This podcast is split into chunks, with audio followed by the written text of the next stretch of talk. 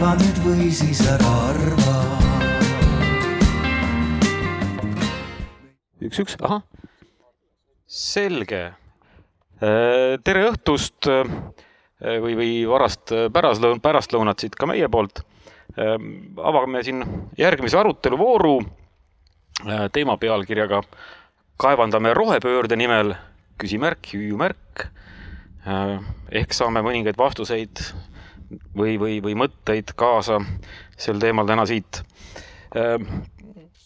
rohepöördeks on vaja järjest rohkem ja rohkem erinevaid kriitilisi maavarasid, millest ehitada päiksepaneele, tuulikuid, akusid. samuti on Euroopal vaja oma kriitiliste toormesõltuvust vähendada Hiinast ja Venemaast. värsked uuringud näitavad, et Eesti maapõues on palju rohkem väärtuslikke maavarasid, kui me oleme seni arvanud. näiteks vanaadium, haruldased muldmetallid ja teised samas, kas rakendame sellist potentsiaali Eesti ühiskonna arenguks või siis kuidas kaevandada nii, et meie keskkond jääks terveks. eks neid aspek-, aspekte me täna siis arutelus siin proovime omavahel omakeskis koos teie abiga arutada. ja näis, kuhu me täna jõuame. et meie arutelu aitab korraldada Eesti Geoloogiateenistus, Eesti Teadusagentuur, Teadusala Konsortsium. Arutelu toetab meid, meil Euroopa Regionaalarengu Fond läbi ressursside väärindamise alase teadus- ja arendustegevuse toetamise programmi aga siit on hea meel, kui mul edasi minna kohe meie paneeli osalejate tutvustamise peale. hakkan siit kohe enda poolt järjest minema. et esimene on meil Martin Liira. võiks äkki niipidi võtta, et sihuke teadlaskonna esindaja Tartu Ülikoolist, Eesti Geoloogiateenistusest. Siis edasi on meil Tiit Kaasik tema on samuti Eesti Geoloogiateenistusest, aga tema omab ilmselt Eestis kõige paremat ülevaadet, vaadet siis maavaradest meil. edasi on meil Tarmo Treimann, sihtasutus Keskkonnaõiguse Keskuse tegevjuht ja, ja oskab meile kindlasti niisugust õigusliku aspekti osas öö, omapoolseid arvamusi välja tuua. Ja, ja siis sealt edasi on Andres Veske kes on Rohetiigri nõukogu esimees ja juhib Rohetiigrit. ja mina olen Indrek Tulp Eesti Teadusagentuurist, olen ressursside väärindamise programmi juht. aga lähmegi siit siis edasi kohe nagu esimese punkti juurde, mida me täna oleme välja valinud. et äh, miks me üldse vajame rohepöördeks äh, ja tuleviku energeetikas üha rohkem ja rohkem maavarasid, et, et, et või millised on need maailma arengud või, või trendid maailmas, et ja miks üldse on Euroopal oluline sõltuvust vähendada Hiinast, no võib-olla pole, eks ole, et et võib-olla äkki, äkki Andres saab siin oma, sellel suunal oma mõtteid tuua. üks, üks töötab. Jaa, tere kõigile, aitäh, et tavaliselt ikka kipub niiviisi olema, et kõige suuremale diletandile antakse kõik, sõna kõigepealt, eks ma siis proovin proovin natukene seda nõudluse poolt maavarade osas valgustada. et tõsi on nii see, et, et noh, alates seitsmekümnendatest kuskil kuni, kuni nüüd tänase päevani on energiatarve maailmas ikkagi noh, umbes kolm korda tõusnud. Ja, ja, ja täna me tarbime umbes maailmas sada kuuskümmend tuhat teravatt-tundi energiat. et see ei ole üksi elekter, aga siia, siia tulevad kõik asjad muud ka juurde et ma ei hakka siin täpselt välja tooma, mida me tarbime, aga, aga olgu öeldud, et täna fossiilkütuste osakaal energia tarbimises on ikkagi määrav, see on ikkagi siiamaani selline kaheksakümmend viis protsenti umbes ja, ja taast-, taastuvenergiat on ikkagi veel liiga vähe. Aga selge on see, et, et kui, kui seitsmekümnendatel tarbiti kolm korda vähem energiat, siis, siis oli ka taastuvaid natukene vähem umbes niisugune kümne protsendi ringis, et täna me oleme kuskil niisugune viieteist protsendi ringis, et, et mida me tarbime. eks need põhjused, miks me vajame nii palju energiat, on, on ju erinevad, aga, aga põhiliselt, mis meid mõjutab, on selgelt maailma majanduse kasv, mis on omakorda eelkõige tingitud demograafiast, et inimesi sünnib praegu järjest juurde see muidugi mingil hetkel peatub, et, et selle, see on niisugune huvitav seos, et, et maailma majanduse kasv teeb meid jõukamaks ühest küljest. kõik inimesed, noh, maailmas ei ole kunagi inimkond nii hästi elanud globaalselt võttes kui praegu. ja see rikkus tuleb ainult majanduskasvu tõttu, ehk siis me peame piltlikult öeldes ennem rikkaks saama ja siis hakkab ka demograafiline situatsioon maailmas kindlasti paranema. et, et eelkõige ongi see hariduses ju ja, ja, ja sissetulekutes kinni ja, ja kolmas võib-olla põhjus võiks olla ka see, et energeetikud raputades siis tuhka endale pähe, on lihtsalt lollid, ei ole os osanud energiat kasutusele võtta seal, kus ta tegelikult meil on. et, et kui mõelda kasvõi maailma kõige kuulsama füüsikavalemi peale, milleks on siis E võrdub mc ruut, kõik on kuulnud seda. ehk energia võrdub massi ja valguskiiruse ruudu korrutisega, siis, siis kujutage ette, missugune energia peitub mingisuguses massi osas. et täna, täna me saame noh, ühest kilogrammist söest oskame, oskame ära kasutada mingisuguse osa, saame sealt umbes seitse kilovatt-tundi eh, energiat, primaarenergiat, aga tegelikult see potentsiaal on seal kakskümmend viis teravatt-tundi, see tähendab, noh, need ütle võib-olla need numbrid midagi või need ühikud, aga, aga ütleks niiviisi, et terve Eesti aastane tarbimine on täna umbes kolmkümmend kaks teravatt-tundi ja kahe tuhande neljakümnendal aastal me energiatarve kukub umbes sellele tasemele. ehk tegelikult oleks Eesti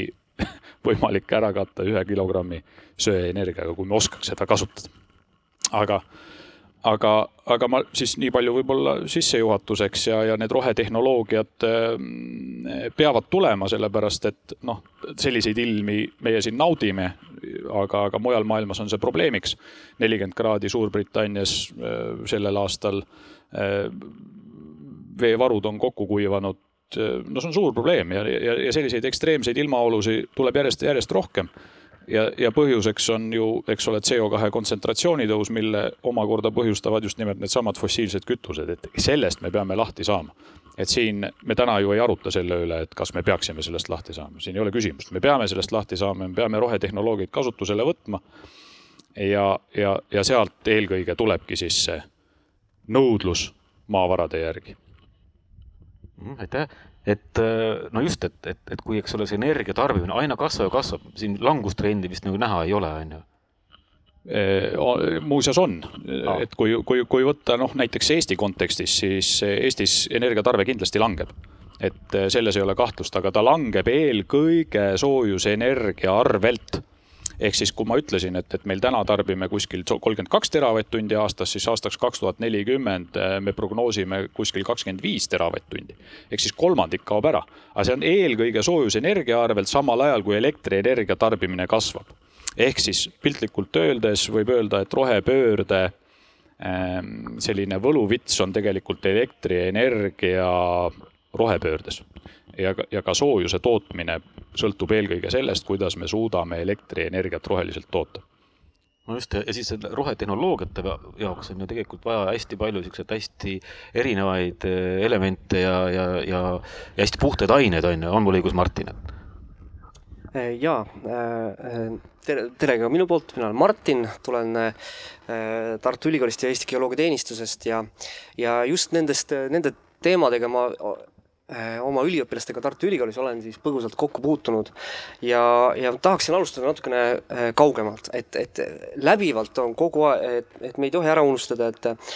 inimkond läbi oma ajaloo on alati kasutanud erinevaid äh, maapõueressursse enda siis eluolu parandamiseks. et kui, kui pikalt olid need väga lihtsad ressursid, mida me kasutasime, siis äh, juba mõni sajand tagasi hakkasime erinevaid äh, metalle üha rohkem, rohkem kasutama ja see uute elementide kasutamiselevõtul on siis kasvanud eksponentsiaalselt ja tänasel päeval me, kui me jätame lantanoodid, aktinoodid kõrvale, siis me praktiliselt kasutame kogu Mendelejevi tabeli äh, ulatuses erinevaid elemente. et, äh, et seoses sellega, nii nagu ka äh, eelkõneleja ütles, et, äh, et meie energiatarve on suurenenud, meie rahvastikunumbrid on suurenenud, on ka tehnoloogia sama jalga käinud ja oleme üha nutikamaid lahendusi välja mõelnud, kuidas enda elu mugavamaks teha ja, ja, ja sellega seoses siis äh, terve, terve plejaad uusi elemente, mida me sada aastat tagasi veel äh, üleüldse ei kasutanud, ei mõelnudki selle peale, ei olnud olemas tehnoloogiatki nende kasutamisele võtmiseks, siis nüüd meil on neid hädasti äh, tarvis. ja, ja e, see kasv on olnud niivõrd äh, meeletu, et, et siin erinevate äh, elementide lõikes on muidugi see erinev, aga kui me tooksime näiteks ühe äh, lihtsa näite näiteks sellest, et vask, väga levinud tavaline metall, mida me kõik teame ja seda on väga palju tarvis, eelkõige siis tänapäeval juhtmete valmistamiseks, siis äh, tulevikus selle rohepöörde läbiviimiseks on meil tarvis kaevandada või meil on tarvis saada seda vaske nii palju, äh, umbes sama palju, kui palju on kogu inimkonna ajaloo jooksul eelnevalt kokku kaevandatud et äh, annab selle natuke seda mastaapi, muidugi erinevates elementides on see natukene erinev. kui nüüd see meie see vajadusest rääkida, siis noh, kõige triviaalsem näide, mis meil, meil kõikidel meie nutitelefonides on äh, noh, erinevad mudelid muidugi, äh, on jämedalt seitsekümmend erinevat keemilist elementi kasutuses.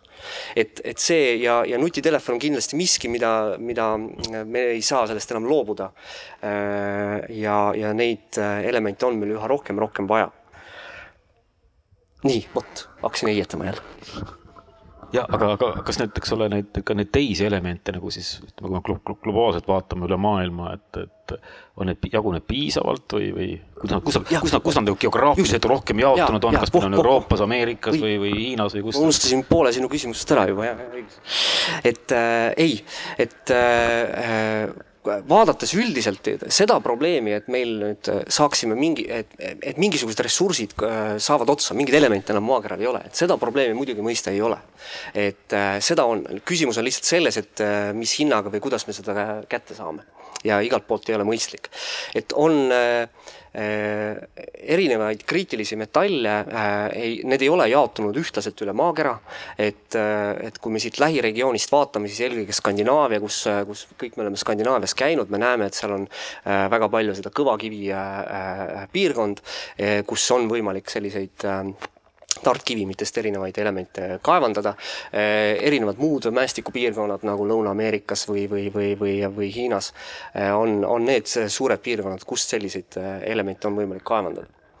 et, et ta ei ole jaotunud ühtlaselt, aga seda, et, et see kunagi, et see võiks nüüd lähiajal otsa saada, seda muidugi mõista ei ole. sest äh, meie oleme oma nutikusega arendanud välja tehnoloogiaid, millega me võime minna üha äh, sügavamale äh, oma kaevandustega ja me võime oleme võimelised ka kaevandama suhteliselt äh, kasumlikult ka äh, tooret, mis, mis äh, on kvaliteediga, mida veel mõnikümmend aastat tagasi võib-olla ei olnud võimalik mõtet kaevandada. et seda ohtu, et otsa saab, seda ei ole aga jah, need ei ole ühtlaselt jaotunud, et on, on regioone, kus on lihtsam, kiirem ja odavam kätte saada kui teistes mm. -hmm. väga hea. korra küsin, kas äkki on siin publiku seast mõnda kiiret küsimust vahele pikkida? Hetkel, hetkel ei ole, aga, aga varsti tuleb jah, natukese aja pärast, aga, aga liigume siis edasi, võib-olla ongi sobiv hetk nüüd minna hoopis nagu selle vaatega nüüd niipidi, et, et aga mis meil siis nagu Eestis on, eks ole, et eks ole, et kui me teame, et, et on ebaühtlaselt jaotunud, et kas meil siin Eestis on mingisuguseid põnevaid maavarasid, mida me saaksime kasutusele võtta, kas meil on siin mingisugust, mingisuguseid eeliseid äh, teiste ees, kas meil on tehnoloogiaid? Äh,, äkki Tiit oskab avada seda veel, et mis, mis meil, kus meil on? Aga aitäh, et äh, ma loodan, et mind on kuulda, jah.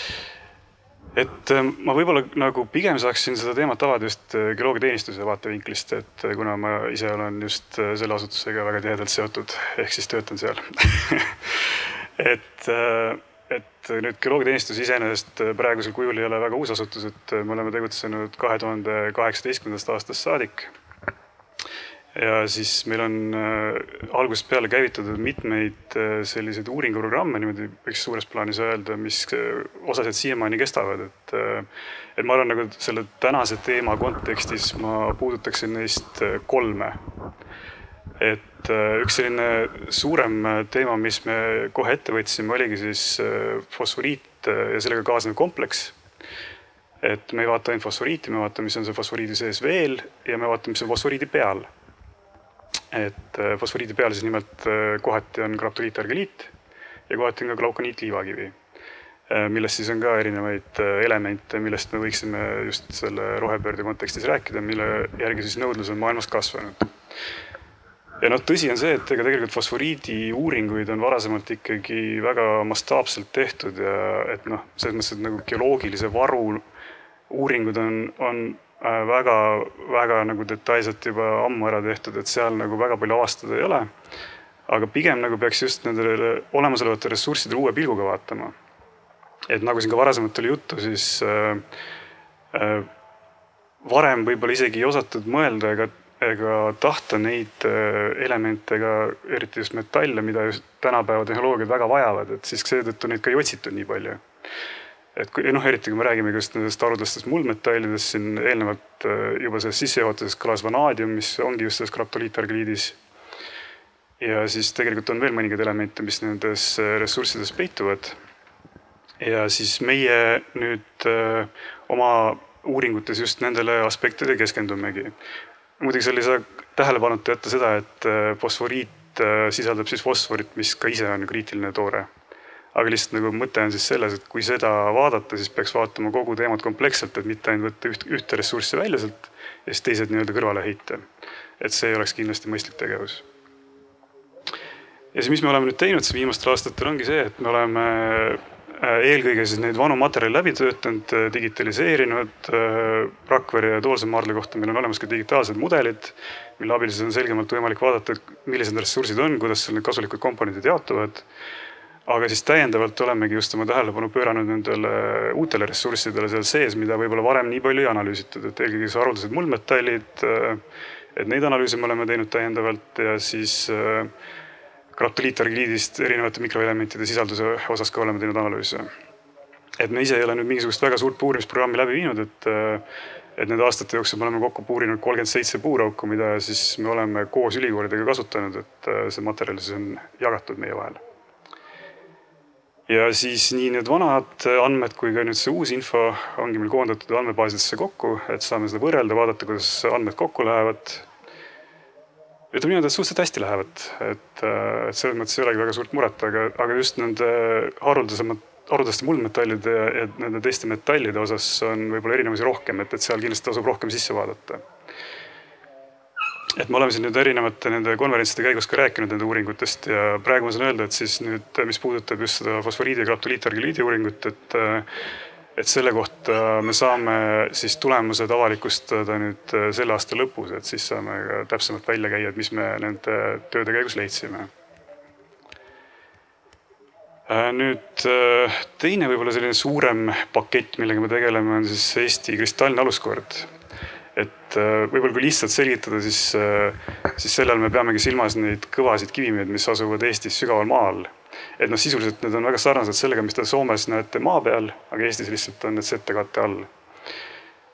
et äh, võib-olla kui nagu vastata küsimusele, et miks seda üldse vaadata, siis eelkõige sellepärast, et et see on üks koht, kus Eestis võiks veel olla sellist avastamata suuremat potentsiaali et, et ülejäänud selline äh, ülemine nii-öelda maapinna või ütleme, maapõue osa on meil suhteliselt hästi läbi uuritud, et kuna see on lihtsasti kättesaadav. aga just see kristalline aluskord on see, kus võib olla veel avastamata potentsiaali.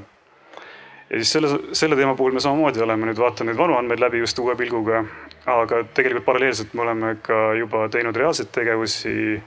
ehk kõige rohkem tähelepanu on saanud just see Jõhvi äh, anomaaliast tehtud puurimistöö, mis, kus me puurisime siis kaks puurauku Äh,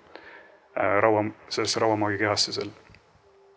aga seal taaskord äh, üks eesmärk kindlasti oli siis rauamaagi enda andmete täpsustamine, aga tegelikult me just lootsime ka leida seal mingeid kaasnevaid elemente, et miks me need augud tegime. ja noh, lõpuks võib öelda, et jällegi läks meil tegelikult suhteliselt hästi, et me tõepoolest leidsime sealt äh, ilminguid ja jälgi teistest elementidest, mis võivad siis rauamaagiga kaasneda ja mis vääriksid edasist kindlasti uurimist, et me siin räägime muuhulgas ka kullailmingutest seal rauamaagiga koos. et need ei olnud nagu mingisugune suur kogus, et ärge saage valesti aru, et räägime praegu lihtsalt ilmingutest, aga mis on väga positiivne, on see, et me esmakordselt tuvastasime seal piirkonnas protsessid, mille käigus kuld saab tekkida üldse, et, et varem ei olnud selliseid protsesse leitud. Nii et äh, sedapidi on see ikkagi väga suur avastus ja väärib edasist uurimist ja siis jah, kahtlemata kristallises aluskorras võib peituda ka muid just äh, rohepöördeks vajalikke metalle, mida tasub otsida, et me võime siin rääkida näiteks ka liitiumist Eesti maapõues, mida küll suuremas koguses pole leitud, aga põhimõtteliselt võiks leiduda, võime sealt koobaltit otsida.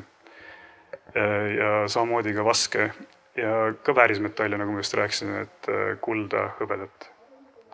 Et, et nende järgi kindlasti tasub sinna minna, kui neid leidub piisavas koguses. ja siis võib-olla kolmanda teemana ma tooksin veel, veel välja, mis nagu haakub meie tegemistest just selle rohepöördega, on see, et me oleme nüüd Majandus- ja Kommunikatsiooniministeeriumi tellimuse siin teist aastat viimas läbi sellist uurimistööd, et vaadata, milliste maardlate peal oleks võimalikult, võimalik ajutiselt siis taastuvenergeetika rajatisi rajada et no see ei ole küll otseselt nagu ressurss selles mõttes, et mida saaks kasutada rohepöördesse, aga see nagu haakub selle teemaga. ja mõte on siis selles, et iseenesest muidu need maardlad on maakasutuspiiranguks, mis on ka väga mõistlik, et meil, kui me oleme kuskilt maavara leidnud, et siis seda kindlasti tasub kaitsta, et sinna midagi muud peale ei tehtaks. aga siis praegu me vaatame läbi, et, et kas on selliseid kohti maardlatel ja selliseid maardlaid, mida siis võib-olla nüüd lähiaastatel kasutusele ei võeta ja kuhu saaks ajutiselt siis midagi peale ehitada. et leida sellist kompromissi siis et ma arvan, et lühidalt siis oleks need, need teemad, mis praegu haakuvad aitäh, et aga, et, et sisuliselt ikkagi meil justkui nagu tegelikult on olemas nagu mingi potentsiaali selle rohetehnoloogia maavarade osas, eks ole, et. et nüüd võib-olla teine küsimus kohe teistpidi, et, et ka teised võivad siin arvata. et, et, et aga kas meil on seda tehnoloogiat, seda rakendusele võtta või ka ütleme, ennem käis läbi, et, et on nagu nõukogude, noh, ütleme vanemad need puursüdamikud ja vara, varasem informatsioon, eks ole. tehnoloogia on edasi läinud, ka uurimustehnoloogiad on edasi läinud, eks ole, mis ka tõenäoliselt eh, tuleb sellest välja, et need tulemused on erinevad selle varasemate analüüsidega. aga, aga jah, et nüüd uurimustehnoloogiad ja siis võib-olla kasutuselevõtu tehnoloogiad, et kas, kas ka nendes osas on, on mingeid arenguid, äh, kuidas meil üldse olukord Eestis ja võib-olla ka laiemalt on? kes julgeb? ma teen siis võib-olla otsa lahti sel teemal jah, et et kahtlemata on äh, kõik tehnoloogiad arenenud aja jooksul, et, äh, et äh, noh, nii nõudlus erinevate jah, elementide järgi kui ka siis tehnoloogiad, millega neid kätte saada, on arenenud, et et ka geoloogiateenistus on mingil määral näiteks siis osade toormete nagu rikastamisteemadega tegelenud, aga aga see ei ole nagu otseselt meie põhitegevus ja, ja eelkõige on siis tulnud uusi teadmisi seoses sellega koostöös ülikoolidega et eelkõige siis noh, näiteks üks uurimisteema, mis on kindlasti väga oluline ja, ja vajab nagu tähelepanu, on see, et, et kui me just rääkisime, et äh, fosforiidis on nii fosfor kui ka on haruldased muldmetallid, et siis ei ole olemas sellist töötavat tehnoloogiat, et kuidas saada kätte korraga fosfor ja haruldased muldmetallid. et vot see nagu vajakski uurimist ja vajaks lahendust. et me saaksime kompleksselt kõik kätte, mis seal sees on. ja noh, teine asi, nagu me räägime sellest graptoliitargiliidist, et see on ka selline Äh, mõneti unikaalne tooraine äh, maailmas. et siis äh, sealt metallide kättesaamine on, on väljakutse ja siis ka sellel teemal tuleb teha teadus-arendustegevust, et see üldse oleks võimalik mõistlike kuludega ja mõistlike keskkonnamõjudega. et, et kui natukene nagu äh, lisada, siis äh, et erinevaid tehnoloogiaid on rakendatud, eks ole, ka kaevandatavale ressurssidele aastasadu ja, ja põhimõtteliselt, et kui me tahaksime, siis me saaksime väga lihtsasti võtta riiuli pealt ühe tehnoloogia, rakendada seda meie maavaradele ja, ja toota asja, mida siis maailmas müüa. aga lihtsalt äh, meie äh, Äh, äh, need, meie nõudlus selle järgi, et me ei saa enam samamoodi kaevandada nii, nagu tehti äh, seda vanasti. esiteks me oleme ise teadlikud keskkonnast ja muudest aspektidest, mis seda piiravad. meie ei saa enam ka nii lineaarselt või nii laastavalt enam kaevandamistegevustega teha, et see, see ei ole meile mitte kellelegi enam vastuvõetav, siis ka nendest lähtudes, nendest aspektidest lähtudes me peame leidma uusi tehnoloogiaid näiteks, et see, et kui me kaevandame midagi, et me võimalikult minimaalselt esiteks äh, häiriksime seda keskkonda, mõjutaksime seda ja teiseks, et see, mida me juba välja kaevandame, et see saaks ka maksimaalselt ära väärindatud et kui me keskenduksime Eesti fosforiidile ainult sellele fosforhappe tootmisele, siis selle jaoks meil on võimalik riiulilt võtta üks asi hakkab panna tööle ja, ja, ja müük käib. aga, aga kuna me teame, et, et, et tänu äh, siis äh, teadusuuringutele me teame, et seal selles Eesti fosforiidis on ka muid kriitilisi elemente, siis võib-olla me peaksime pingutama selle nimel, et teada saada, et kas ja kuidas on võimalik siis neid kätte saada et, et siin selge see, et see tehnoloogia arendus äh, peab käima äh, ka äh, käsikäes nende maavarade potentsiaali selgitamisega. absoluutselt, võib-olla lihtsalt, et kuulajate jaoks äkki, kui keegi seletaks lahti, mis asi see kriitiline element on või kriitiline element ikka vist oli jah? äkki Martin lühidalt või te mõlemad seda terminit kasutasite, et, et me kõik oleksime, saaksime ühtemoodi aru noh, et ütleme lühidalt võime kokku võtta niimoodi, et, et, et, et meil on äh, et tahaks tuua niisuguse ilusa näite, et selle jaoks, et meie majandustegevust üleval hoida, meil on vaja erinevaid, erinevaid ressursse. mõned nendest me peame tooma endale kas siis riiki väljaspoolt sisse või Euroopa Liidust väljaspoolt sisse ja need on ja need võivad olla, nende saadavus võib olla, ei sõltu enam meist. see muudab need kriitiliseks et äh, fosforit äh, üldiselt äh, maailmas jagub, aga kuna Euroopa Liidu sees on teda, varusid on vähevõitu, siis Euroopa Liidu sees võime öelda, et fosfor on kriitiline, sest meil samas on ta meil ka selle jaoks, et seda põllumajandust üleval hoida, on ta väga vajalik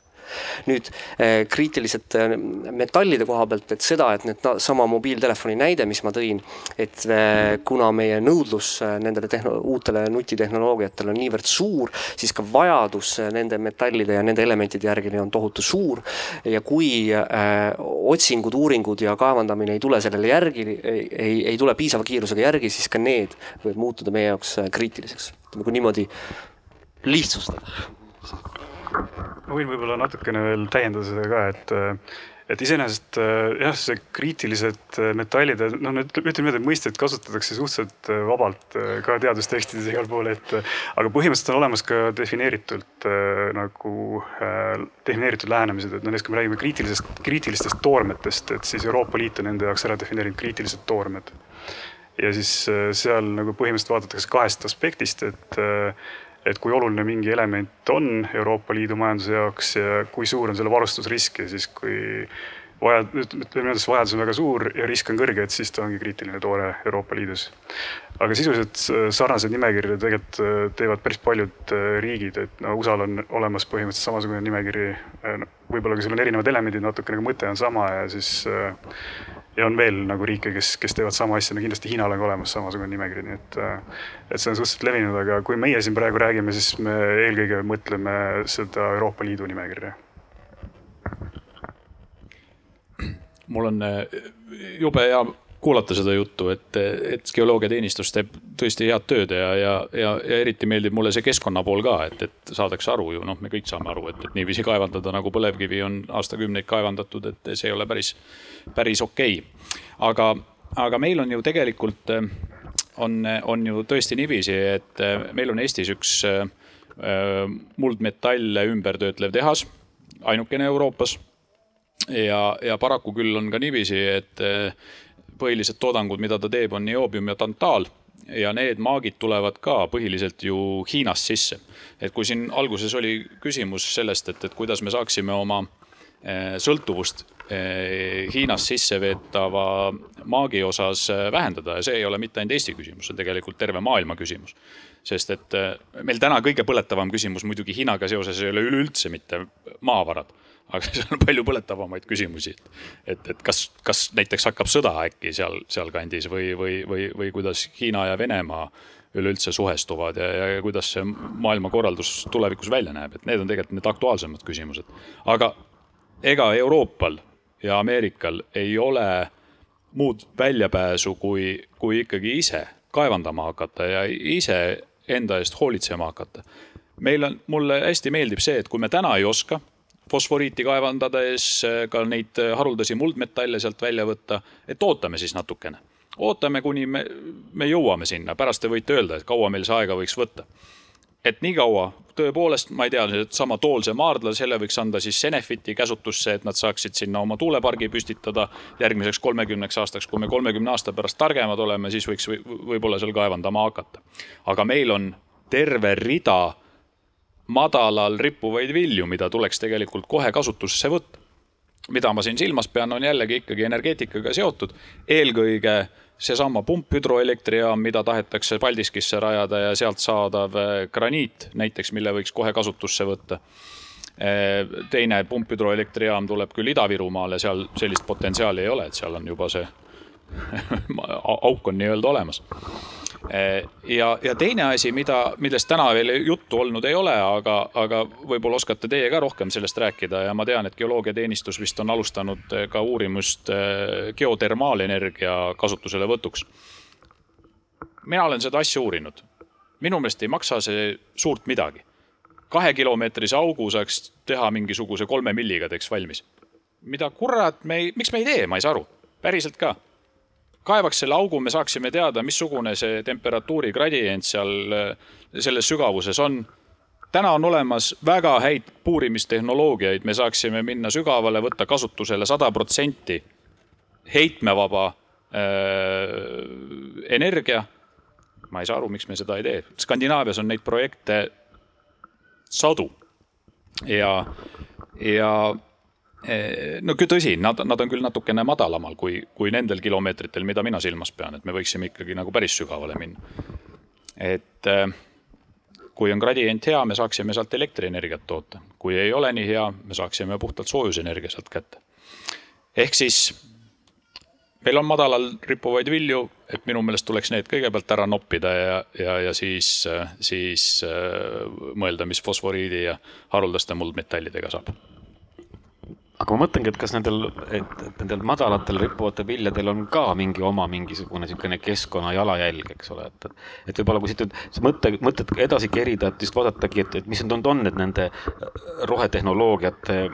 väljakutsed siin meil Eestis just, eks ole, et, et noh, siin võib-olla mõned on rohelisemad, mõned vähe rohelisemad. me oleme rääkinud siin omajagu ka sellest, et, et, et, et see kaevandamine tänapäeval peab, noh, on selgelt teistsugune, peabki olema teistsugune, kui ta oli siin ütleme kolmkümmend, viiskümmend või, või rohkem aastaid tagasi et, et, et, et mis on need lahendused, mis on need murekohad, võib-olla, võib-olla ka, mis on need rõõmukohad just nende keskkonna vaates, et, et, et võib-olla Tarmol pole siin veel saanud sõna sekka öelda, et äkki oskad, oskad avada selle keskkonnavaate poole pealt, et mis, mis, mis murekohad nagu seal on? et mida peab arvestama, kui me siin võtame, kui me räägime siin maavaradest, kui me räägime tehnoloogiatest, nii edasi. ja, et et, et äh, ma hakkan võib-olla sellest peale, et kui mind siia kutsuti, et, et siis äh, otsiti inimest, kes nii-öelda äh, keskkonnaühenduste vaadet just selle kriiti-, ütleme Eestis leiduva nende kriitiliste maavarade või siis fosforiidis sisalduvate või haruldaste metallide osas esindaks. et aga noh, täna on tegelikult see seis selline, et meie organisatsioonil või, või neil võrgustikel, kuhu me kuulume, äh, seda väga selget seisukohta ei ole, mis on noh, meie jaoks nagu ilmselge põhjus on see, et me ei tea täpselt ju seda, millised, äh, äh, meil ei ole piisavalt infot selle kohta, millised keskkonnamõjud selle kaevandamisega võiksid kaasneda. mis ei tähenda, et nagu Eestis ei oleks keskkonnaühendusi või keskkonnas tegutsevaid inimesi, kellel on mingi selge seisukoht või kes äh, ja need ei pruugi olla ka ju äh, ühesugused need seisukohad, sest et äh, tõesti on ju täiesti arusaadav see, et äh, kui me räägime rohepöördest just selles tehnoloogilises vaates, et, et need tehnoloogiad ja see tehnoloogiate üleminek nii-öelda süsinikuneutraalsetele tehnoloogiatele, et see vajab suures hulgas haruldasi metalle. ja noh, täiesti arusaadavad on ju ka need küsimused, mis puudutavad, ma ei tea, Hiinat või Venemaad või, või seda, kuidas kaevandatakse kusagil Aafrikas ja nii edasi aga teiselt poolt äh, mm, ütleme nii, et, äh, et, et kliimakriis on väga-väga äh, tähtis ja, ja see, et me selle teemaga tegeleme, see on täiesti vältimatu, see, see, see on tõsi, et sellest me ei saa mööda minna. aga samamoodi on vältimatu näiteks ka elurikkuse kriis, millega tuleb tegeleda, sest kui me tahame seda, et näiteks saja või ma ei tea, kahesaja aasta pärast Äh, üleüldse siin planeedil äh, selline olend nagu homo sapiens saab eksisteerida, siis tuleb ka sellega tegeleda, samamoodi on, äh, samamoodi on ju olulised need inimesed ja nende elukeskkond, kes meil siin Eestis elavad, et, et noh, need tänapäeva probleemid paraku on kõik sellised komplekssed, et neid ei saa nagu lihtsustatult võtta, et korraga tuleb tegeleda nagu mitme asjaga ja, ja samamoodi on ka selle rohepöördega tegelikult, et Mm, et noh, eks me oleme väga täna siin niisugune siiamaani väga tehnoloogiakeskne jutt olnud ja, ja ilmselt nagu sügav usk, usk sellesse, et me vahetame nüüd selle tehnoloogia välja, et võtame fossiilkütuste põletamise asemel, võtame taastuvenergia kasutusele ja noh, kõik on korras ja maailm läheb ilusti edasi ja, ja majanduskasv ja tarbimise kasv ja kõik jätkub ja aga, aga tegelikult me ületame juba ammu neid planeedi taluvuspiire noh, loomulikult on ka küsimus siin inimestes ja rahvastikus ja kus neid on rohkem, aga, aga samas ka inimeste, meil võib-olla ei ole palju inimesi, aga ühe inimese kohta see keskkonna jalajälg, mis jäetakse, on Eestis äh, oluliselt suurem kui mõnes äh, teises piirkonnas, et, äh, et väga ei taheta nagu rääkida sellest, et kui me tahame nagu päriselt rohepööret teha, et siis me peame tegelikult ka oluliselt energiatarbimist vähendama see, et nii-öelda planeedi pakutud äh, piiridesse äh, mahtuda. kindlasti tehnoloogiad äh, leevendavad, aitavad kaasa neile teemadele, aga, aga noh, ja see, see ei tähenda muidugi tingimata seda, et me peame näiteks üheksateistkümnendasse sajandisse tagasi pöörduma või midagi sellist, et, et on ka nagu lihtsamaid teid, nagu noh, võib-olla inimesele kõige lihtsam näide on, eks ole, isiklikus kasutuses olevad autod, et noh, et selles mõttes, et, et kui me mõtleme nii, et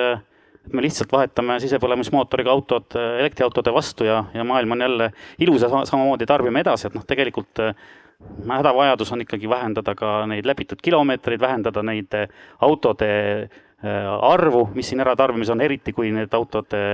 mm,, elektriautode akud, et elektriautode kõige suurem keskkonna jalajälg on ju nende tootmisel ja nende akude tootmisel ja nii edasi. et, et ja see ei tähenda ju tingimata, et, et see tooks kaasa Äh, oluliselt halvema elukeskkonna, kui meil on ütleme, targemini planeeritud linnad, meil on äh, teenused kõik kodu lähedal, äh, kooli lasteaiakohad, mõelge, kui palju läheb aega ja kilomeetreid laste teise linna ossa, näiteks Tallinnas või Tartus kooli või lasteaeda viimisel või on meil parem ühistransport, paremad kergliiklusvõimalused, meil on rohkem autode jagamist, jällegi elektriautode puhul võib see veel olulisemaks saada. et see noh, mingi osa sellest äh, energiavajadusest on võimalik ka saavutada noh, selliselt, et inimeste elukvaliteet ei lange, aga, aga võib-olla tuleb siin ka neid valusamaid otsuseid teha. ja, ja noh, ja lisaks äh, kaevandamise juures äh, ei tasu ära unustada neid alternatiivseid võimalusi, mis meil on, on see näiteks äh, taaskasutus, ringmajandus, alates sellest, et mida me võime leida näiteks põlevkivituhast, kuni, kuni selleni välja, et noh, et jah, et need mobiiltelefonid ja sülearvutid on neid vajavad, aga, aga palju, olete mõelnud, paljudel kodus sahtlites või kusagile lihtsalt prügimäele on neid jõudnud, palju on tegelikult äh, äh nendest samadest äh, neid metalle taaskasutusse jõudnud, et see on ka äh, oluline pool ja, ja lõpuks on ka toodete eluiga tegelikult oluline, et noh, jällegi sellesama mobiiltelefoni näide, mida siin on täna ka toodud, et noh, et kui minul, minu telefon vist on natuke rohkem kui aasta aega vana või natuke vähem, aga eelmine telefon mul oli kusagil kolm aastat ja ma hea meelega oleks seda tänaseni kasutanud veel paar aastat, sest ei tehnoloogiliselt ega kiiruselt ega mälult, noh, kõik, kõik need äh, funktsioonid olid täiesti piisavad ka täna tegemiseks, aga lihtsalt nagu füüsiliselt see telefon mõtlen nagu kummi või väsis ära või ühesõnaga, ühesõnaga seda ei olnud enam mugav kasutada. et, et äh, ühelt poolt on kindlasti niisugune tehnoloogiline pool, et me peame suutma mm, välja mõelda, äh, kuidas tehnoloogiliselt asju äh, kauem kestvaks teha, aga teiselt poolt on siin kindlasti ka niisugune ärimudeli pool, et, et need tootjad on ju huvitatud sellest, et sa kiiresti oma asjad välja vahetaksid. et noh, kõige, kõige sellega tuleks ka minu arust tegeleda, et,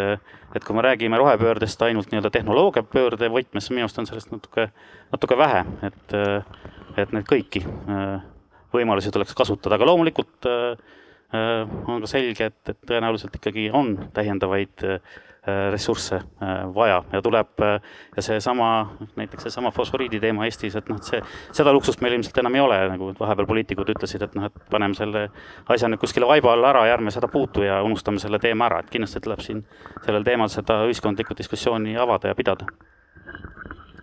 ja väga õiget, et selles mõttes, et see noh, ma natukene pikendan seda mõtet, et see tarbimise vähendamine on jah, absoluutselt täiesti, täiesti teema ja, ja noh, nagu, nagu, nagu Andres ka ennem ära tõi, see tegelikult isegi juba on, eks ole, meil see noh, ütleme noh, see sooja näide, noh, ta võib pigem seda, et, et, et on efektiivsemad hoonestused, eks ole, on ju ühelt poolt ja, ja nagu liigutakse ka selles suunas, et ja ma usun ka kindlasti mingi määraga see tarbimine vähendamine ka võib olla, eks ole, et, et on ju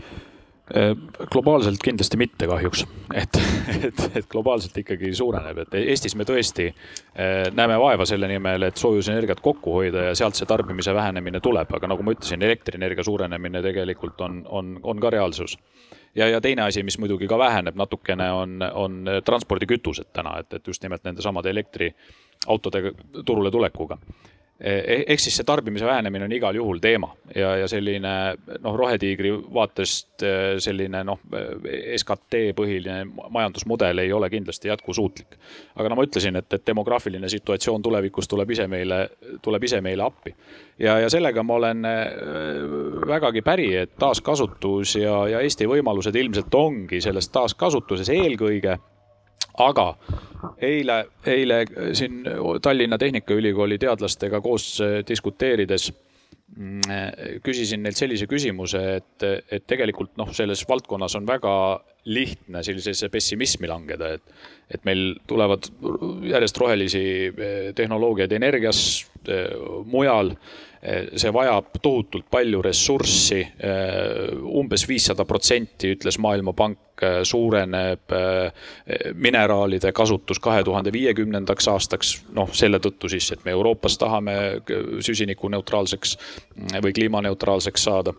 et, et need on tegelikult väljakutsed ja, ja taaskasutusest, kui rääkida, minu küsimus oligi see, et, et kuidas me saame taaskasutada neid materjale, mida me pole veel kasutamagi hakanud, et, et, et see on tegelikult väljakutse. ja, ja,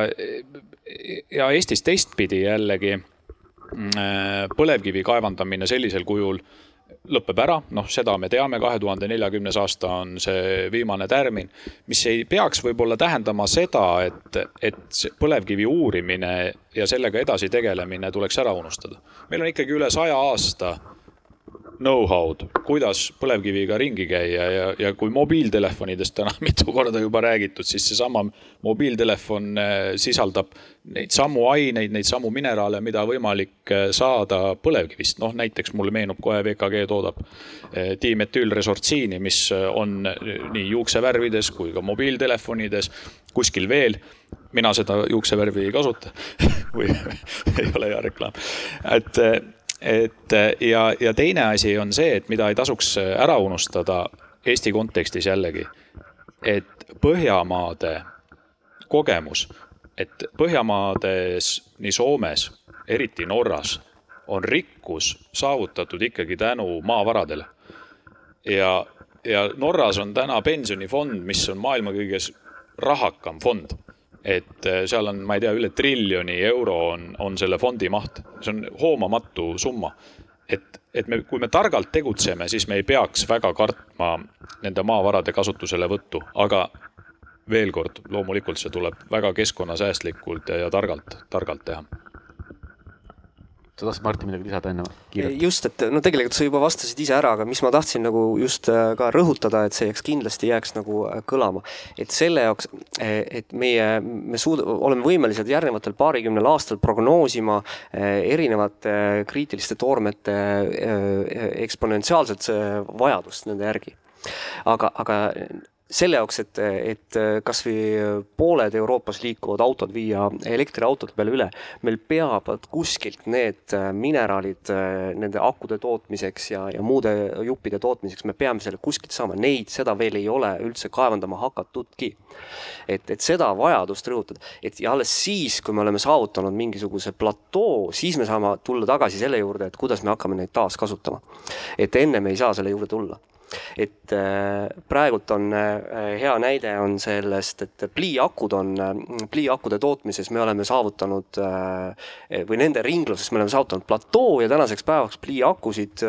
üle üheksakümne protsendi või, või ma võin eksida protsendiga, tõesti väga-väga valdav enamus nendest on taaskasutuses. et me kasutame, aga selle jaoks, et me ja samal ajal liitiumiakud, meil on see taaskasutuse protsent on noh, ütleme niimoodi, et peaaegu et olematu. et see tuleb veel sinna, peame veel sinna jõudma, et siin on tohutu pikk tee veel minna sinna minna. et see taaskasutus äh, saame alles rääkida siis, kui oleme need toormed maa seest välja võtnud ja nõus jah, et ja no kindlasti tehnoloogia areng ka, et, et noh, et hea pliiaku näide on väga hea, et pliiakud on olnud käibel juba ju üle saja aasta või ma võin äkki mitusada aastat isegi, eks ole. ja on olnud aega seda tehnoloogiat arendada, et seda taaskasutada. liitiumioonakud on meil siin olnud kõigest võib-olla mingisugune kolmkümmend, nelikümmend aastat, eks ole. aga nüüd on jah, et lähme võtame siis võib-olla siit auditooriumist mõned küsimused. et kõigepealt vist oligi, et äkki siit, võtame järjekorras, et, et siit härral oli vist ennem oli, ma annan mikrofoni üle.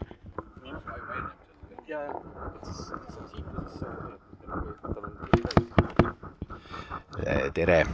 olen geoloog. kaks remarki, kõigepealt Paldiskis ei ole graniit, on moondakivi, gneis, mis võib-olla isegi parem. ja, ja siis, mis puudutab taaskasutust, mis räägiti taaskasutuse jutuga, täiesti nõus, nõus ka, mis Martin ütles siin, et ennem kui midagi ta- ja Andres ka, et kui midagi taaskasutada, uusi asju, siis tuleb kõigepealt neid toota, et saaks taaskasutada, aga üks näide enne seda, kui rohepööre akuutseks muutus, ilmus Briti teadlaste mm, uuring, keda huvitab, ma võin selle välja otsida ja meili peale saata. et isegi kui me iga kogu vase taaskasutaks, mida me kaevame, toodame, taaskasutaks, meil oleks iga aasta vaja uuesti kaeva, kaevandada seitseteist miljonit tonni umbes. see oli enne rohepööret. ja, ja tarbimist veel rääkida, et äh, jah, globaalses mõttes äh, me võime siin püksirihma kokku tõmmata, aga, aga, aga, aga ka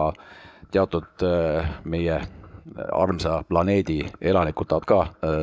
mingil ajal tarbida sama palju, kui meie praegu tarbime. Et sealt tuleb see teistpidine, teistpidine kasv. aga mul on küsimus panelistidele, et ähm, praegu siis nüüd, eriti nüüd ka veel Ukraina Venemaa agressiooni valguses ja Euroopa Liidu kõrged ametnikud käivad ringi nutuvõru suu ümber, et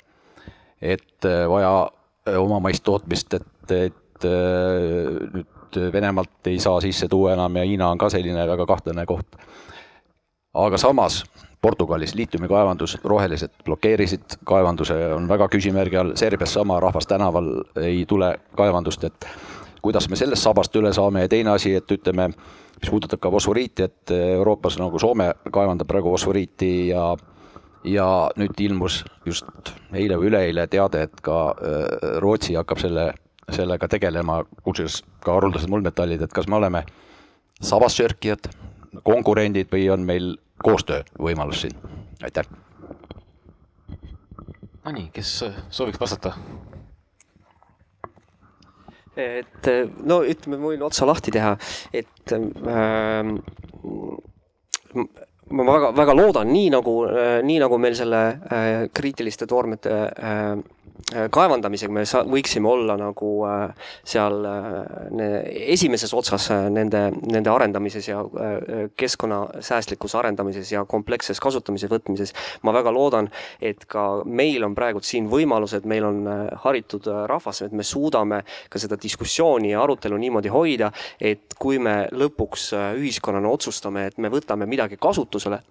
milleks muidugi meil peavad olema ennem väga head andmed, mida, mida meile teadlased peavad andma,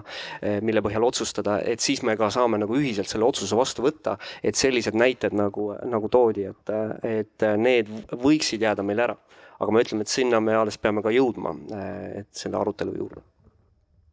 aga võib-olla muidugi ma olen noh, ühtlasi ka paadunud optimist ka nagu sünni poolest ka muidugi. ja võib-olla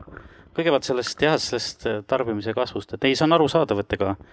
meie ei taha oma tarbimist vähendada ja, ja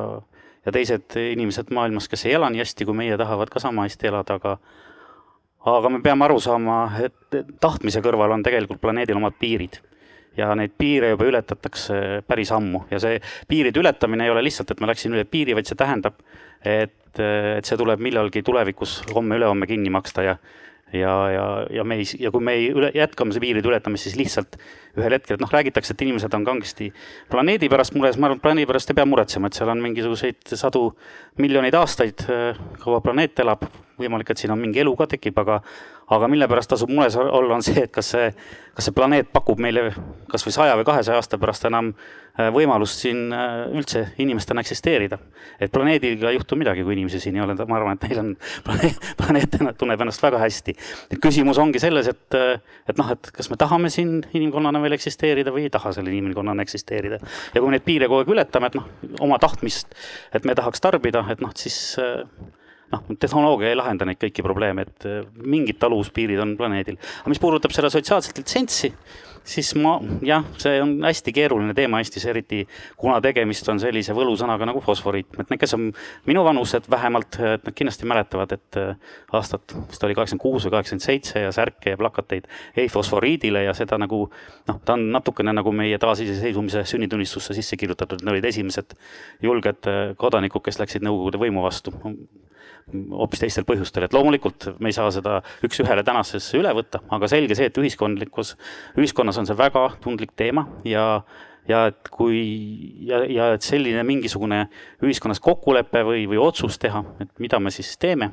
et seda ei saa nagu pealiskaudselt äh, võtta. Ja, ja, ja see otsus peab tulema ikkagi nagu läbi rääkides kaasavalt, mis kahjuks muidugi võtab aega, aga aega on ju alati vähe, et, et kui me Äh, enne, kui me oleme ühiskonnaga läbi rääkinud ja ma usun ka, et meil on äh, Äh, ilusad, head ja targad inimesed ja ma usun, et me suudame seda diskussiooni äh, pidada nii-öelda teaduslikke äh, argumente arvesse võttes, mitte ainult geoloogiat või, või tehnoloogia või majanduse poolt, vaid ka sotsiaalteaduslikku, ökoloogilist, kõiki erinevaid külgi vaadata, seda mitmekülgselt hinnata ja inimestega läbi rääkida, et noh, kindlasti me ei jõua kunagi sellise otsuseni, millega kõik rahul on, aga et, et inimesed saaksid aru, et see otsus on nagu meil ühiskonnaga ühiselt tehtud, et selles osas on meil kindlasti Põhjamaadelt ka palju õppida, kuidas seda ühiskondlikke äh, otsuseid äh, teha, mis, mis iganes see mõistlik äh, otsus lõpuks tuleb, et kui me lähme sinna mõjude hindamise ja, ja ühiskondliku diskussiooni protsessi selliselt, et jääb mulje, et meil on juba mingi otsus enne tehtud või me tahame kedagi väga survestada mingit otsust tegema, kuna mingisugused vajadused on väga suured, siis ma julgen ette ennustada, et see lõpeb sellega tõesti, et inimesed on tänaval ja võib-olla ka kohtus ja, ja mitte ainult, mitte ainult need, kes enda kohta ütlevad rohelised kas ma tohiksin natukene täiendada? absoluutselt, jaa muidugi ma tuleksin kõigepealt selle juurde, et, et äh, siin oli see väide, et me võime siin püksirihma pingutada, aga teised ei pinguta, aga me ei pinguta. selles häda, häda ongi. et äh, on teil, on teil äh, tuttav selline, selline organisatsioon, kes teeb, peab, peab statistikat selle kohta, kui kiiresti üks või teine riik oma ressursid ära kasutab need ressursid, mis tal oleks ette nähtud eh, või vabandust, see on niiviisi, et kui kõik maailma rahvas kasutaks nii palju ressursse kui seal riigis inimesed, et kui kiiresti kogu maailma ressurss selleks aastaks ära kasutatakse. see on, see päev on möödas. see on Earth Overshoot Day on selle asja nimi, org.org. et soovitan vaadata, seal oli niiviisi, et üle-eelmine aasta oli Eesti ära kasutanud oma ressursid, kui ma õieti mäletan, kahekümne kuuendaks märtsiks, siis eelmine aasta oli see seitseteist märts, ehk siis me tegelikult ei pinguta, me tegelikult laseme liugu ja, ja siin on muidugi omad põhjused. siin on põhjus see, et elektrienergia hind on kalliks läinud, me oleme jälle põlevkivi põletama rohkem hakanud. soojust on meil vaja. ja, ja sealt, ja sealt tuleb ka meie see suur eh, keskkonna jalajälg tegelikult selle põlevkivi kasutamisest. aga eh,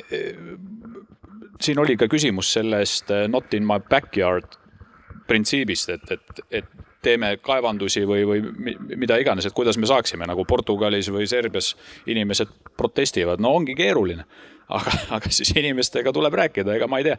E-, energias nüüd on äh, välja mõeldud see kohaliku kasu mehhanism nii-öelda et ega siin muud ei olegi, noh, aga ma ei tea, see kohaliku kasu mehhanism, see ilmselt hakkab laienema ka teistesse eluvaldkondadesse, et see ei ole ainult energeetika, ilmselt tuleb siia ka kaevandus, et noh, ma alles kuulsin, et Häädemeestel vist tahetakse liiva kaevandama hakata, seal on justkui kõik tehtud, Keskkonnaamet on oma päringud teinud ja, ja otsused ka ja, ja kohalik KOV on siis nagu maha mulenud selle õige aja, millal vastata ja nüüd hakataksegi justkui kaevandama, aga kohalikud elanikud ei ole rahul. no et tulebki kohalike elanikega ilmselt nagu rääkida, et ega siin nagu parem, paremat midagi välja vist ei mõtle no just ja, ja, ja ma lisaks omalt poolt võib-olla, et, et, et, et ma siiralt loodan, et kui see võrdlus oli siin Soome ja Rootsiga, et, et me ei ole mitte sabassörkijad, vaid ikka partnerid, eks ole. aga võtame siis edasi, küsimus siit oli ka aitäh, äh, Imre Treufeld, äh, Silmeti haruldaste muldmetallide projektijuht. Äh, kõigepealt tahtsin öelda seda, et, et kui me räägime elektriautodest, siis ei ole mitte ainult tegu liitiumioonakudega, vaid ka kütuseelementidega. Nii et võib kasutada äh, mõlemat, kütuseelementide tehnoloogia on jõudnud ka niisugusesse etappi, et, et ta on nüüd valmis kasutamiseks. kuigi ta on pisut kallim kui liitiumioon akud praegu, sest liitiumioon on rohkem levinud. vabandust, mitte ei ole valmis, aga ka kasutatakse kasutatakse väga palju. ma käisin Šotimaal sügisel seal on äh, sadu busse, mis sõidavad kütuseelementidega, nad tõsi, kasutavad äh, täna seda vesinikku, mis on veel fossiilsetest kütustest tehtud, mis on asja paradoks muidugi. aga, aga need on turul, äh, on olemas mitte ainult autod, aga rongid sõidavad Euroopas kütuseelementidega ja nägin oma silmaga ka lennukit, mis lendab kütuseelementidega aitäh ja täpselt seda tahtsingi öelda, et see on täiesti, et ei pea alati mõtlema ainult sellest, et liitiumi on vähe või koobaltit on vähe. ja teine asi on see, et äh, see äh, fosforiidi kaevandamise teema Eestis, äh, seal on ka haruldasi muldmetalle sees, nii et see on ka selline huvitav asi selles mõttes aga küsimus, et kuidas äh, seda teha niimoodi, et ei oleks äh, nagu poliitiline vastuseis, sest me näeme, et võib tekkida olukord kergesti, kus mõni partei võtab ka selle seisukoha, et see ongi halb meile, ärme tee seda ja saab sellega palju populaarsust, kuigi see kokkuvõttes võib-olla ei ole hea mõte, kui vaadata keskkonda ja kõike muud. et siis on selline variant, et äh, teha nagu on räägitud kliimakogud, no kliimakogu on selline äh, võimalus äh,, kuidas siis äh, ühesõnaga võetakse rahvast juhuvalik, näiteks mingisugune sada inimest äh, Tartust äh,, kui on küsimus äh, Tartu linna teemadel ja, ja, ja need sada inimest siis äh, saavad kokku ekspertidega ja arutavad mingit teemat ja, ja panevad kokku mingi seisukoha ja, ja teevad ettepaneku ja siis see ettepanek muutub siduvaks äh, sellele omavalitsusele. see ei ole nii, et nad saavad hääletada, see omavalitsus, vaid see ongi siduv ettepanek ja samamoodi võiks teha sellise nagu osalusdemokraatia äh, näiteks fosforiidi äh, kaevandamise osas kui ma tohin jällegi, vabandust, et äh, kliimakogusi on Rohetiiger kaks tükki teinud, korraldanud. üks on Ida-Virumaal just nimelt energeetika teemadel ja üks oli liikuvuse teemadel Tartus, nii et, et kui keegi soovib teha kliimakogu, siis soovitan Rohetiigri poole pöörduda, et selline kogemus on olemas. et Eestis see formaat ei ole tõesti väga levinud, aga, aga mõned on, mõned on juba tehtud et, eh, et võib-olla kui siin nagu täiendada siia otsa, siis nii nagu ka äh, juba eelkõnelejad ka ütlesid, siis et nii nagu vanasti tehti, et niimoodi me ei saa enam edasi minna, see tähendab ka, et kogu see kaasamise protsess peab olema ikkagi kaasaegne ja me peame siin nii nagu ka öeldi juba ka erinevaid, mitte ainult tehnoloogiasektori inimesi ja, ja geolooge ja majandusinimesi, vaid ka sotsiaalteadlasi ja nii edasi. et see on pikk protsess, eriti meil Eestis, kus meil, kus meil on, me oleme pikalt arvanud, arvanud, et meie maapõu on millegipärast väga vaene ja siit ei ole midagi võtta ja meil siin ei ole potentsiaali, siis eriti meil, kus me hakkame nüüd nullist uuesti üles ehitama midagi äh, või noh, praktiliselt nullist, et, et me peame olema, äh, kasutama neid äh, uusi lahendusi, innovaatilisi lahendusi, et hinnata seda, et kas see potentsiaalne kasu, mida me, mida me teame, et meil seal Eesti maapõues on et kas see potentsiaalne kasu ületab või korvab selle potentsiaalse kahju et siin on veel pikk-pikk tee minna, et keskkonna aspektid on üks asi, aga täpselt need kohalikud kogukonnaga suhtlemised, et kui juba toimub juba äh, inimestel kui, kui juba toimuvad streigid, protestid selle vastu, siis on juba algusest peale midagi juba valesti tehtud. et nii nagu äh, kaevandusarendusi on tehtud, niimoodi, selgelt niimoodi ei saa edasi minna. ja mulle tundub ka see, et see NIMBY nagu äh, ülekasutamine või igas olukorras selle kasutamine, et see ei tule kindlasti sellele dialoogile kohaliku inimesega kasuks. et, et hästi palju see tulemus ju noh, loomulikult Eestis on ka NIMBY juhtumeid ja, ja noh, on arusaadav, aga me ei saa nagu ilmselt päris ühe mütsiga, ühe mõõdupuuga võtta neid inimesi, kes näiteks ei taha oma äh, saja meetri kaugusel oma kortermajast laste mänguväljakut või, või kogukonnaaeda ja neid, kes on nagu päriselt ja noh, tihti ka põhjusega mures sellepärast, et kaevus ei ole mingi hetk enam joogivett. et need on minu arust natuke erinevad asjad. Äh, aga, aga see, et mingisugune kokkulepe kogukonnale jõuda, see tähendab, et me, tulebki nendesse inimestesse lugupidavalt suhtuda, äh, nendega koos püüda asju otsustada ja, ja noh, et iga noh, iga selline hinnang nende noh, kui me anname inimestele mingisuguse hinnangu, et kas nad on rumalad või nad on, ei mõtle suurt pilti, on mis, mis iganes negatiivne hinnang. ja kui me läheme sellise hinnanguga ka nendega suhtlema, siis lõpuks me sellise tulemuse me saame, et siis niimoodi need inimesed hakkavad ka käituma, aga kui me peame nendest lugu, kuulame nende mured ära, saame neist aru, siis see tulemus on hoopis teine, et noh, et näited on nende, kasvõi nende tuuleparkide puhul, nii palju ma olen kuulnud, et tihtipeale ei ole üldse olnud äh, küsimus, kus see konflikt tuleb selles, et kohalik kogukond ütleb, et ei, et me mitte mingil juhul ei ole nõus meretuulepargiga või, või muu tuulepargiga, et seal on mingites detailides on need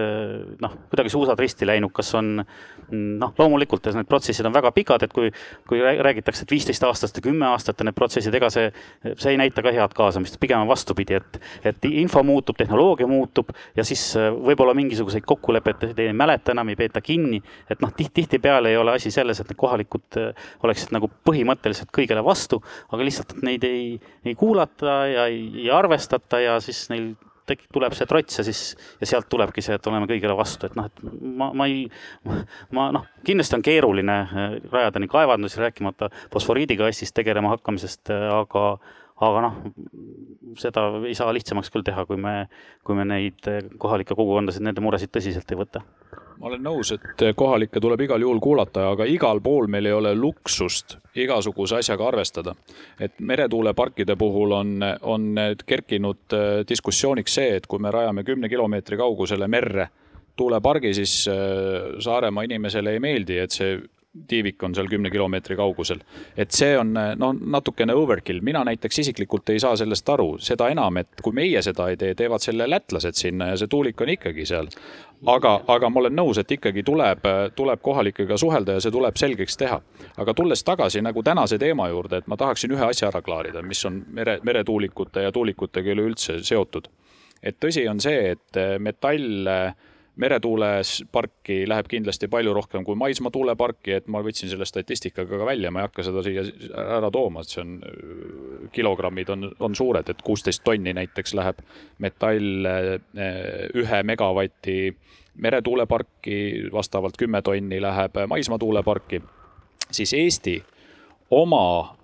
riikliku äh, energiatarbimise me suudaksime ära katta pelgalt, äh, meil oleks vaja umbes tuhat viissada megavatti maismaa tuuleparki ja ainult tuhat megavatti meretuuleparki. ja kes, kellele see midagi ei ütle, et, et siis ütleme tänapäeva keskmine selline mm, tu, tuulik on kuskil kuue megavatine, et kui te tuhat jagate kuuega, et siis te saate selle arvu kätte, et me ei räägi tuhandetest tuulegeneraatoritest, me räägime saja kuuekümnest, mis on vaja merre rajada. ehk see ei ole mitte midagi üle mõistuse. nüüd siit edasi tuleb muidugi see küsimus, et, et kas me tahame ka importida seda eh, elektrienergiat, et aga see on juba nüüd diskussiooni küsimus, aga oma riikliku, oma sisetarbimise me peame igal juhul ise hakkama saama, et siin minu meelest ei ole küsimust ja see, et et noh, täna on kindlasti taastuvenergia lahendused natukene kallimaks läinud tänu sellele, et, et äh, on see äh, sõda ja, ja materjalid ei ole kättesaadavad, aga ta on siiski väga konkurentsivõimeline, et kui meil täna räägitakse elektrienergia hinnast, et universaalteenust, mis tahetakse turule tuua, Eesti Energia siis peaks sellega turule tulema, umbes sada kaheksakümmend eurot on siis selle megavatt-tunni hind, mis on siin välja reklaamitud kuskil. see ei ole ju kindel veel, eks ole, et seda Konkurentsiamet hakkab, hakkab alles menetlema ja nii edasi, siis äh, soovitan vaadata üleeile lõppenud äh, taastuvenergia äh, vähempakkumise pakkumisi. Ja seal kõige kõrgem pakkumine, mis turule tuli, oli kolmkümmend viis eurot megavatt-tund. no come on, ehk siis siit nagu väike vihje ka Eesti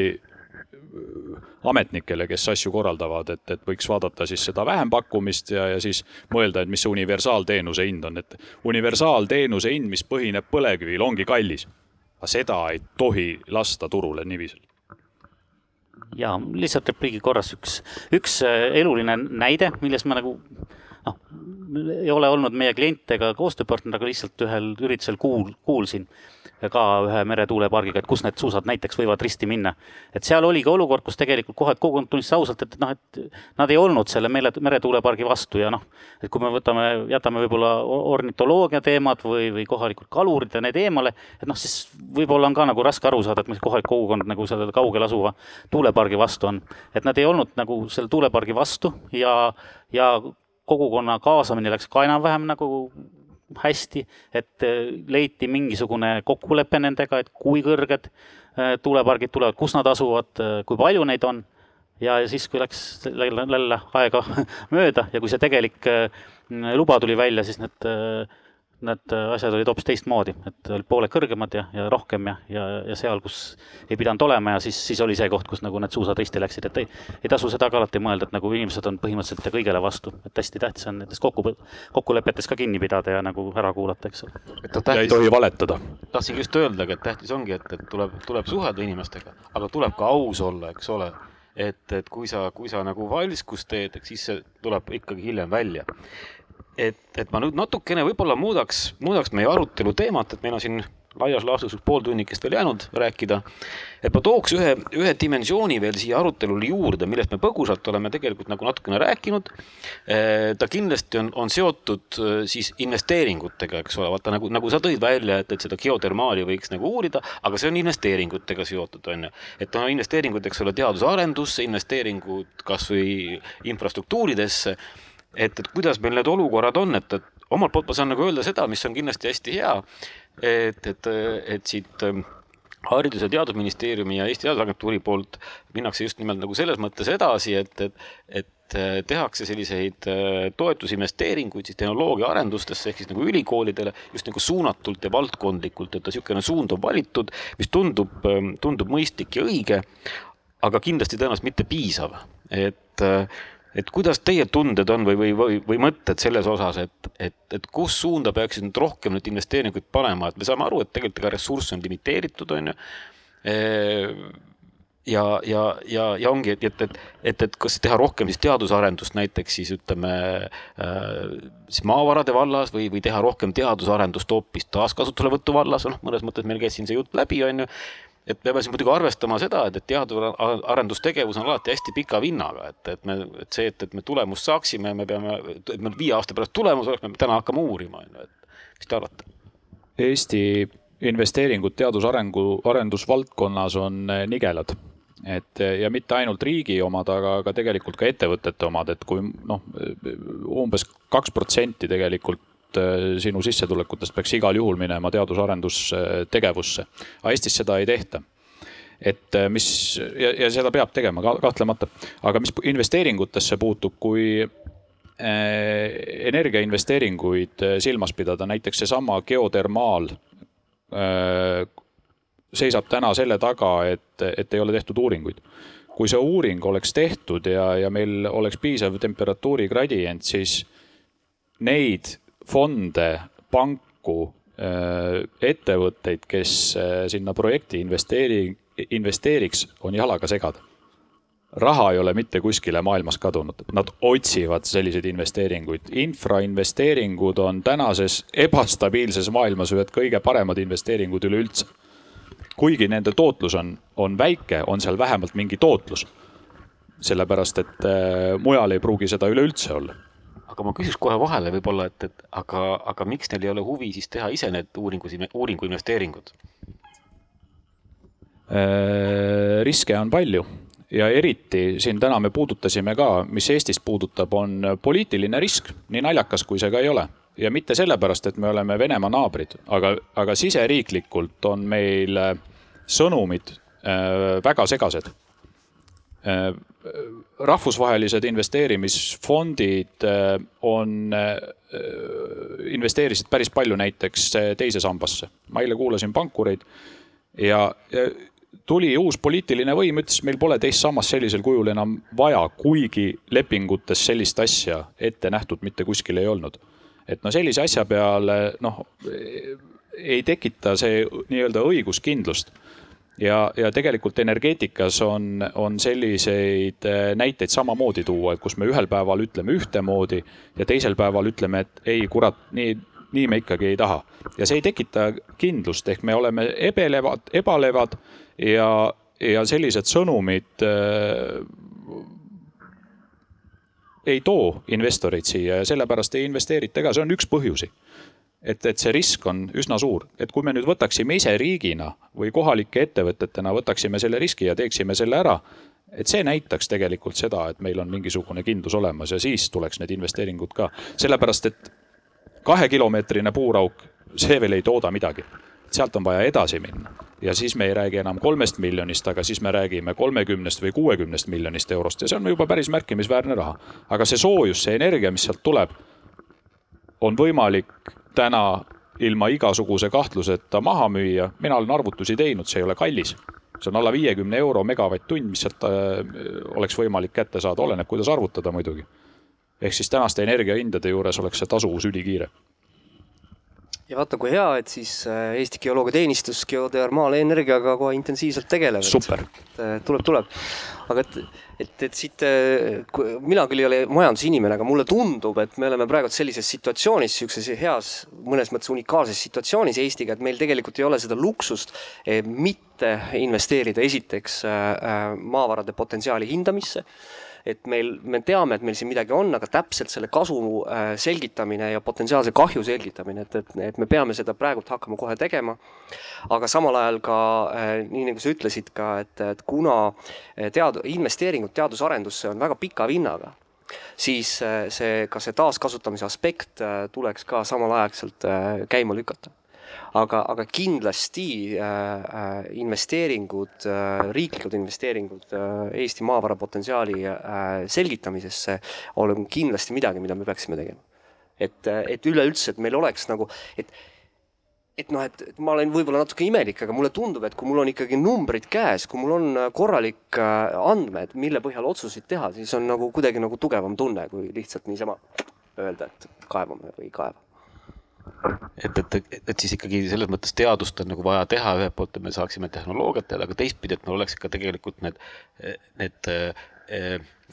otsuste tegemiseks nagu see info ja sisend oleks nagu hästi hea. ja, ja täpselt, täpselt. Ja seda me peame tegema ise, see on, et, et me ei saa, noh, ma, ma ei tea, kuidas need majanduses need asjad käivad, aga mul, ma kujutan ette, et põhimõtteliselt oleks ju võimalik, et öelda firmale X, et kuulge, meil vist on siin midagi, tulge vaadake, kas, kas kõlbab ja siis nad tulevad ja vaatavad ja siis ütlevad, oi kurat, tegime siin sada kilti auku, aga ei kõlvanud. no et me, me sihukest luksust me ei saa endale lubada, eks ole. Et me peame seda ise tegema, ise uurima, võtma seda riski ja, ja, ja selle asja selgeks tegema ja see vabalt võib olla, vot see minu meelest on ka selles ühiskondliku kokkuleppe või selle või, või selle juures peab olema arusaam, et me tee-, et see on risk, et me teeme see investeeringu, me uurime kogu maapõue läbi ja siis saame teada, et ei, ei ole mõtet kaevata et tee või tina, no ei ole mõtet ja siis ongi noh, et see on ka tegelikult see üks vastu, aga siis me teame, et meil on andmed olemas, meil on see teaduslikult põhjendatud, eks ole äh,, argumenteeritud äh, otsus. ja siis on see hea ja täna on meil tegelikult ka see situatsioon, kus me ei pea uurima lihtsalt ainult uurimise pärast. meil on olemas reaalne vajadus selle energia järgi, mis, mis seal meil maapõues potentsiaalselt on. ma toon näite. Narva linn Äh, täna köetakse küll puiduga, aga köetakse Balti soojuselektrijaamast nendes kateldes siis, kus põletatakse, tegelikult on ette nähtud põlevkivi põletamiseks. no see ei ole hea lahendus, esiteks sellepärast, et äh, kasutegurid on nigelad ja puit äh, on nii või naa, on, on selline ressurss, mida noh, katlas põletada, no minu meelest ei ole päris nagu okei okay., noh täna ta on meil ja kestab veel aastakümneid. aga see mingil hetkel peab ikkagi nagu sellisel kujul ära lõppema. ja, ja Narvas on reaalselt lahendust vaja, et kas rajada siis uus äh, koostootmisjaam, mis jällegi puitu põletab, lähemale näiteks tarbijale, sest Eesti või vabandust, Balti soojuselektrijaam on Narva kaugkütte tarbijast suhteliselt kaugel. rajada natukene see lähemale, tõsi, selles trassis ei ole küll suured kaod, aga, aga no siiski. et, et Eesti Energia on nõus tehke meile siia see puurauk, aga ise nad mitte mingit riski selles mõttes võtta ei taha. et see on meie firma, Eesti Energia on meie kõigi firma, tema omanik istub rahandusministeeriumis ja niikaua, kui pole nii-öelda omanikupoolset tellimust E-, Eesti Energiale, nii kaua nad seda ka ei tee. aga, aga potentsiaali tegelikult äh, oleks just nimelt kõigepealt uurida ja siis tegelikult ka teha, meil vajadus on olemas. Eestis ei ole väga palju selliseid kohti, et, et see potentsiaal on, te geoloogidena teate kindlasti paremini, kus need on, need on äh, selles kohtades, kus on need rabakivi, äh, mis iganes. intrusiivid väga õige et nendes kohtades, seda on vist Tallinnas, Ida-Virumaal mõnes kohas ja, ja, ja neid kohti väga palju ei ole. Tallinnas on see häda, et, et kui me rajame siia geotermaalpuura, puuraugu, me võtame ära teistpidi koostootmispotentsiaali, mis täna Tallinnas on koostootmist, siis elektri ja soojuse koostootmist ja see, ja see ju toimub, toimub niiviisi, et, et see hea küll, lähen väga spetsiifiliseks, ma parem ei lähe. ehk siis Ida-Virumaa on tegelikult ideaalne koht täna, kus teha seda geotermaalenergiat ja mulle nõus paljuga, mis siin on öeldud ja, ja tõesti on äh, hästi oluline see, et enne kui me, kas me räägime nendest äh, fosforiidist ja seal sisalduvast metallidest või geotermaalenergiast või millestki muust, et enne kui mingeid otsuseid teha, siis ilmselgelt tuleb uurida, et ei ole mõtet äh, kujundada ei ühte ega teistpidi seisukohta ega ka avalikkust ühele või teisele poole ennem survestada, kui on meil see info käes. aga lihtsalt, äh, mis ma tahtsin öelda, et selle info kogumise käigus tuleks seda nagu noh, igakülgselt uurida, et et enne otsuse tegemist on noh, ainult seda, et kui me vaatame seda geoloogilist ja, ja majanduslikku potentsiaali, et tuleks nagu, nagu vaadata ka seda mm, hinnata nagu ökoloogilist mõju ja, ja mõju inimeste elukeskkonnale ja kõiki neid kokku panna, et meil oleks need kõik, kõik asjad põhjalikult hinnatud ja, ja need argumendid laual, et ja siis selle põhjal diskussiooni pidada. ja kui tuleb otsus millegi rajamiseks, näiteks mõni suurem kaevandus, et noh, loomulikult siis tuleb ka läbi mõelda see, et et kuidas need, noh, igal sellisel tegevusel on mingisugune keskkonnamõju üldse, ilma selleta ei ole ju võimalik et, et noh, keskkond on selles mõttes, et ei ole mingi kitsas teema, et, et põhimõtteliselt iga äh,, iga tegu, mis me teeme, sellel on mingisugune keskkonnamõju ja igat meie tegu keskkond samamoodi mõjutab. et noh, et kas siin istume, päike paistab kuklasse, et see on ju ka keskkond, eks ole. et keskkond on igal pool meie ümber ja kõikjal, et et mis, mis on nagu ka oluline, et kui mingisugused mõjud kaasnevad, mingisugune kahju, kas siis inimeste elukeskkonnale või äh, looduskeskkonnale, mis iganes on, et et noh, et sinna sisse, hinna sisse peaks nagu arvestama ka selle kahju äh, kompenseerimise, et kuidas kohaliku kogukonnani äh, see kasu jõuaks, mitte noh, mitte väga suure ringiga ja üldiselt, vaid ka nagu natukene konkreetsemalt ja samamoodi, et kui mingisugused äh, lootusväärtused kannatavad kahju, et seal on ju ka erinevad hüvitamis, taastamis, kompenseerimismeetmed, et kusagil mujal siis aidata sedasama elurikkust nagu parandada ja nii edasi, et et, et need pooled tuleb ka kõik äh, läbi mõelda, et noh, et, et kui see hind moodustub, et noh, et siis, et iga, igasuguse odava hinna taga on tänapäeval tihtipeale see, et noh, et sinna hinnakomponenti ei ole tegelikult seda osa sisse arvatud, mis nagu see tekitatud kahju nagu tulevikule või, või, või sellele kohalikele inimestele tekib, et ja, ja, ja lõpuks see, jõuame sinna selle äh, tarbimise vähendamise juurde, et ma arvan, et, et äh, hind ongi üks väga häid meetmeid, kuidas, mis paneb inimesi Mm, mõtlema selle peale, kuidas tarbimist vähendada, et mingi osa inimesi on kindlasti võimalik nügida ja, ja infot jagada ja teadvustada ja neid enda parem, paremini käituma. me saame, mis on veel tähtsam, me seda üldist kes-, tegutsemiskeskkonda, ärikeskkonda muuta. Mm, aga noh, mingite käskude-keeldude maailm, mulle tundub, et see, sellega kaugele ei jõua, aga ütleme, et kui see, kui see energia hind on kõrge ja ma kardan, et ta kõrgeks jääb, et noh, see panebki inimesi mõtlema ja, ja tegutsema, et ja siis tulebki mõelda riigina targalt, et kuhu me, kuhu me kuidas me tuleme appi, et loomulikult need inimesed, kes on järgmisel talvel päriselt hädas, neile peab ka appi tulema lühi, lühiajaliselt aidates neil kompenseerida, aga veelgi tähtsam pikaajaliselt aidates neil nende energiatarbimist vähendada, aga see, et me nüüd põlevkivi hakkama põletama või, või veel hullem, et nagu hea sissetulekuga inimestele ka mingisugused äh, suuremad äh, kulud kompenseerime, et noh, kui see, kui see inimene ei ole just maksudest kõrvalehoidja, siis põhimõtteliselt äh, ta iseenda rahaga tullakse talle appi, samal ajal võttes sealt selle, kogu selle protsessi peale läheb ju ka teatud halduskulu, eks ole. et selles mõttes, et inimene selle asemel, et ise seda kõrgemat hinda kinni maksaks, milleks ta on võimeline, ta maksab hoopis rohkem makse või siis saab samade maksude eest kehvema näiteks tervishoiu või haridusteenuse. Nõus jah, kompenseerimine tänasel kujul on ju tarbimise hoogustamine, et, et, et see on see sõnum, et, et mis siis, et meil energia kallis on, tarbige edasi, me maksame vahe kinni. et tegelikult see ei ole see, et me peaksime ikkagi säästu investeerima, mitte, mitte tarbimisse. et ja, ja mis siin oli majandusest jutt, et, et, et, et öeldi, et, et ma ei saa aru, kuidas majandus, majanduses asjad käivad. ma ütlen, ega majandusinimesed ka ei saa Rooma klubi ütles juba üsna kaua aega tagasi, et tänapäeva majandusteadus on autistlik ja kuulub fantaasia valdkonda just nimelt sellel põhjusel, mis siin mainiti, et ta ei arvesta seda ressurssi, mis me loodusest võtame, ega selle saastega, mida me loodusesse tagasi paiskame. ja, ja, ja tõepoolest ei ole ka noh, tehnoloogia valdkonnas täna ma eile kuulsin ühes paneelis, et ei ole, et vist ei ole tõesti, et on raske leida neid tehnoloogilisi lahendusi, mis oleks kuidagi inimese jalajälge vähendanud, et kõik on suurendanud, et siin toodi siis näide sellest LED-lambist näiteks, et see justkui ikkagi paned klõpsad põlema, et energiatarve on väga väike, see on tõsi, aga selle eest on meil nüüd neid palju et, et, et üks tõesti, et ega me kompenseerime seda sellega, et paneme neid tossude sisse ja noh, kuhu iganes, otsa ette ja, ja autodesse ja, ja kõik kohad on LED-lampe täis. et, et lõppkokkuvõttes sealt mingit äh, kasu või keskkonna jalajälje vähendamist ei ole tegelikult toimunud. ja, ja ma ütleksin veel nii palju, et, et äh, rohepööret minu meelest ikkagi äh, tuleks tagant tõugata, sest et äh, nagu ütles Valdur Mikita eile, et noh, halvim, mis meil tulevikus selle tõttu ees oodata saab, on see või noh, parim, mis oodata, et me oleme ikkagi elus. et meil on puhas loodus, puhas vesi, õhk, mida hingata, nii et ma arvan, et selle nimel tasub pingutada et, et noh, eks tegelikult tuleb meil tegutseda nagu mitmel rindel, eks ole, ikka korraga, et ega me ei pääse sellest ja ja kui nüüd võtta, ütleme natukene kokku nüüd sellise, äh, selle teadlase või teaduse küsimuse osas, siis siis ka seal, eks ole, et meil tuleb uurida, tõenäoliselt tuleks, eks ole, ikka jätkata igasuguste uurimistega nii geoloogia vallas kui ka tehnoloogiate vallas, eks ole, ja kui ka sotsioloogia vallas. ja, ja, ja just nimelt, et leida need,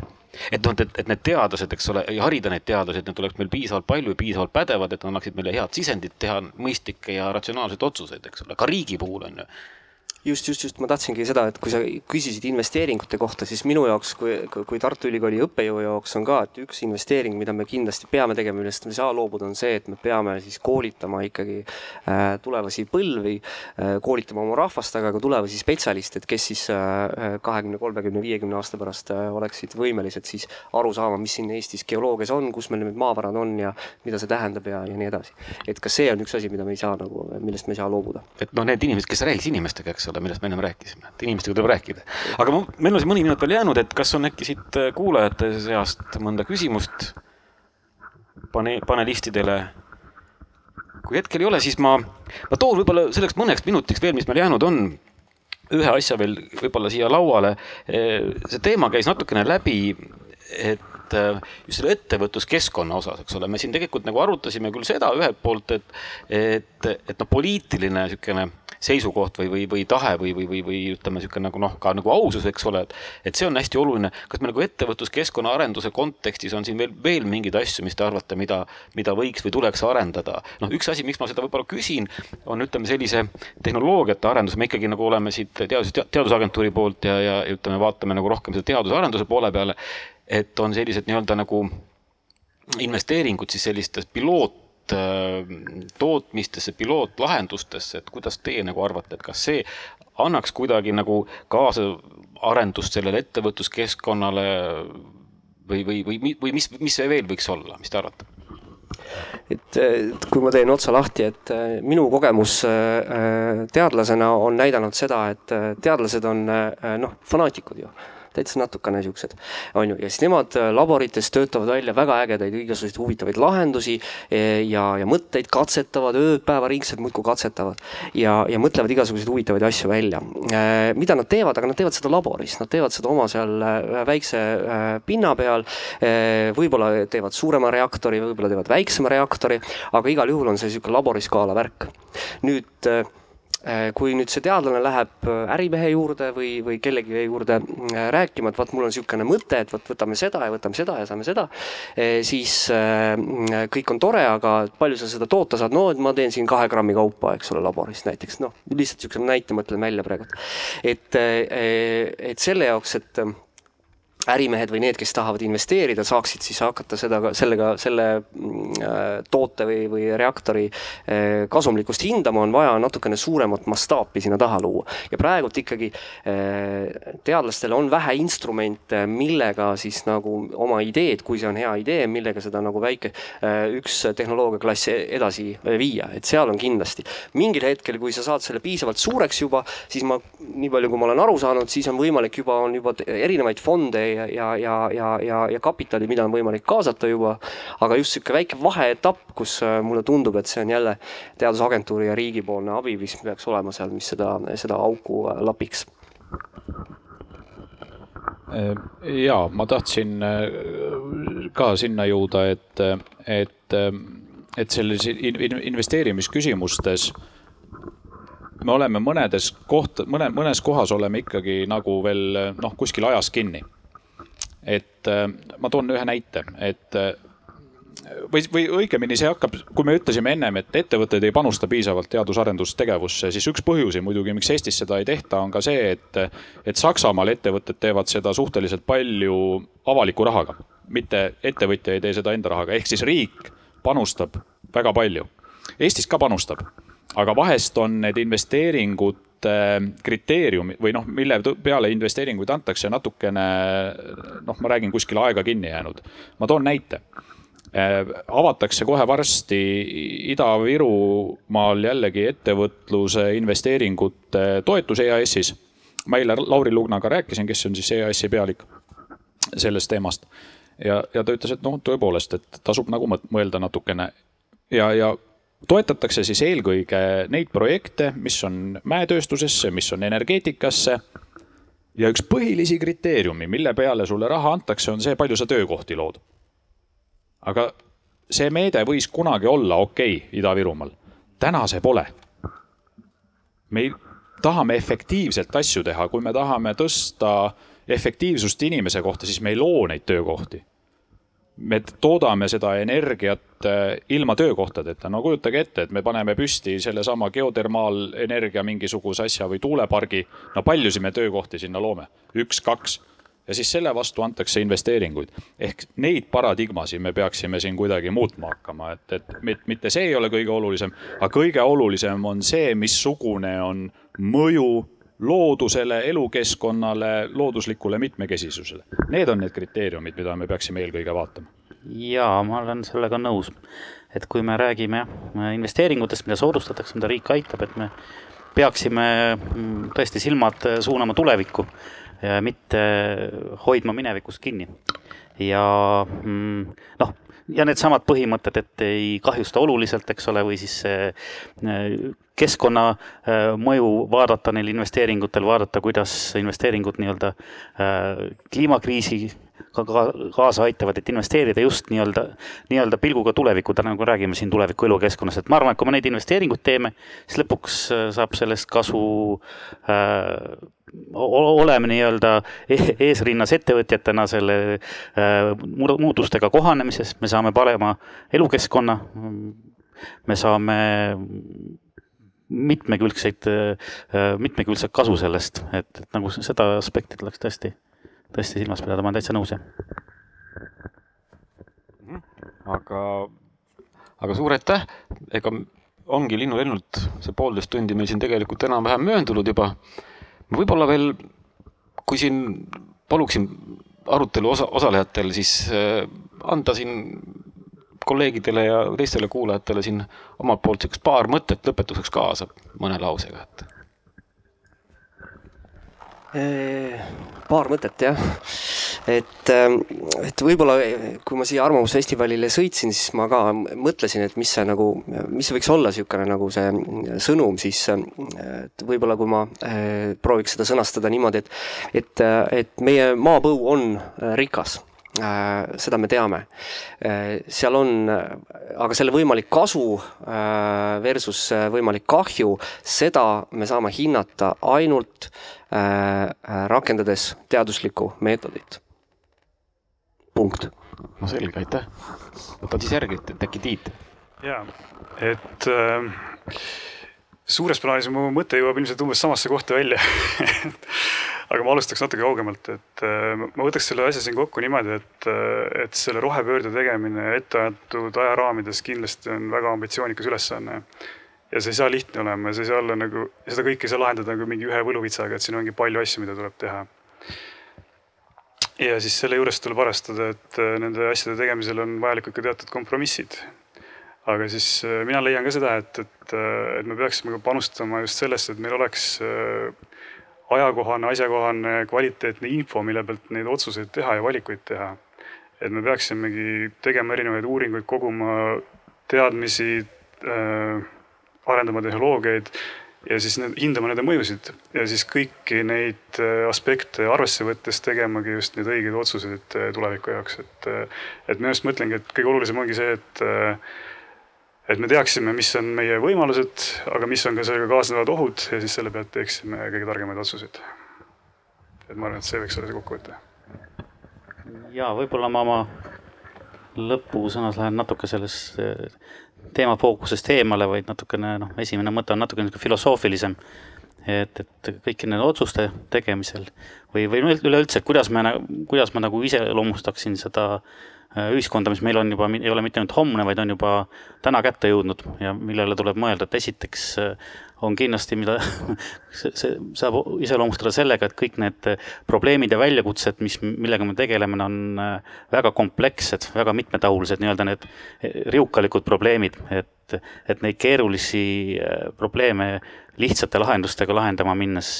tihtipeale võib asi hoopis hullemini minna. et me peame arvestama sellega, et kõik probleemid on väga keerukad, mitmetahulised ja seal on mm, noh, palju neid ette, ettenägematuid asju ka. ja teine, mis äh, kindlasti iseloomustab, on see, et me elame ajastus ja, ja ilmselt peame harjuma elama ajastus, kus meil on mitu kriisi korraga, et äh, et erinevad kriisid on meil äh, kohal täna, tulevad kindlasti ka homme ja ülehomme, et selles olukorras hakkama saada, aga mis ma päris lõpetuseks äh, ütleksin, et kui ma natukene püüdsin siin seda tarbimise vähendamise ja, ja selle tuleviku, kuidas äh, kestlikud olla, selle peale tähelepanu juhtida, aga tegelikult need inimesed, kes on sellele päriselt ja sügavuti mõelnud, on kohe peale meid kell kuus. siinsamas on tasa, tasaarengu teemaline vestlusring, ma kutsun kõiki sellel, seda ka kuulama ja kaasa mõtlema, et, et kuidas siis tulevik võiks olla, kui me peame tegelikult äh, nii Eestis kui ka planeedil oluliselt oma seda äh, jalajälge vähendama, et tõesti, Eesti oli seal samas vist äkki kaheksandal kohal üleüldse, kes kõige kiiremini saavutas selle World Overshoot äh, Day oma nagu piirkonna kohta, aga üle maailma ega seal ka midagi rõõmustavat ei ole, et oli kusagil juuli lõpus, kui ma ei eksi, eks ole ma ütleks lõpetuseks nii, et ei ole see nii keeruline midagi. et tuleb tegema hakata, vähem muneda, see on üks asi. ja teine asi on see, et, et, et siin eelkõnelejad ütlesid, et on ambitsioonikas. no ei ole. see pole ambitsioonikas plaan, kaks tuhat viiskümmend on kuskil kuradi mägede taga, me ei hoomagi seda. mina ütlen, et see rohepööre ei ole muidugi mingisugune lõppeesmärk, et finišilipp on seal. rohepööre on protsess. See võib, ma ei tea, kui aastasadu võib-olla siin kesta. et kogu aeg pöörame. aga kliimaneutraalseks ja süsinikuheitmeid vähendada on meil võimalik tegelikult kohe. ja see kahe tuhande viiekümnenda aasta eesmärk on minu meelest lihtsalt naeruväärne. energeetika on kõige suurem saastaja täna. ja siin on tegelikult, lahendused on olemas, tuleb lihtsalt ära teha. ma annaksin selle mõtte kaasa, aitäh. jah, sul suur aitäh, aitäh kuulajatele ja aitäh panelistidele. ja, ja mine tea, ehk kohtume järgmine kord uuesti samadel või erinevatel teemadel. kaunist õhtut. selge see, et ega keegi kõike teha. puudub laud ja mänge edasi me peame.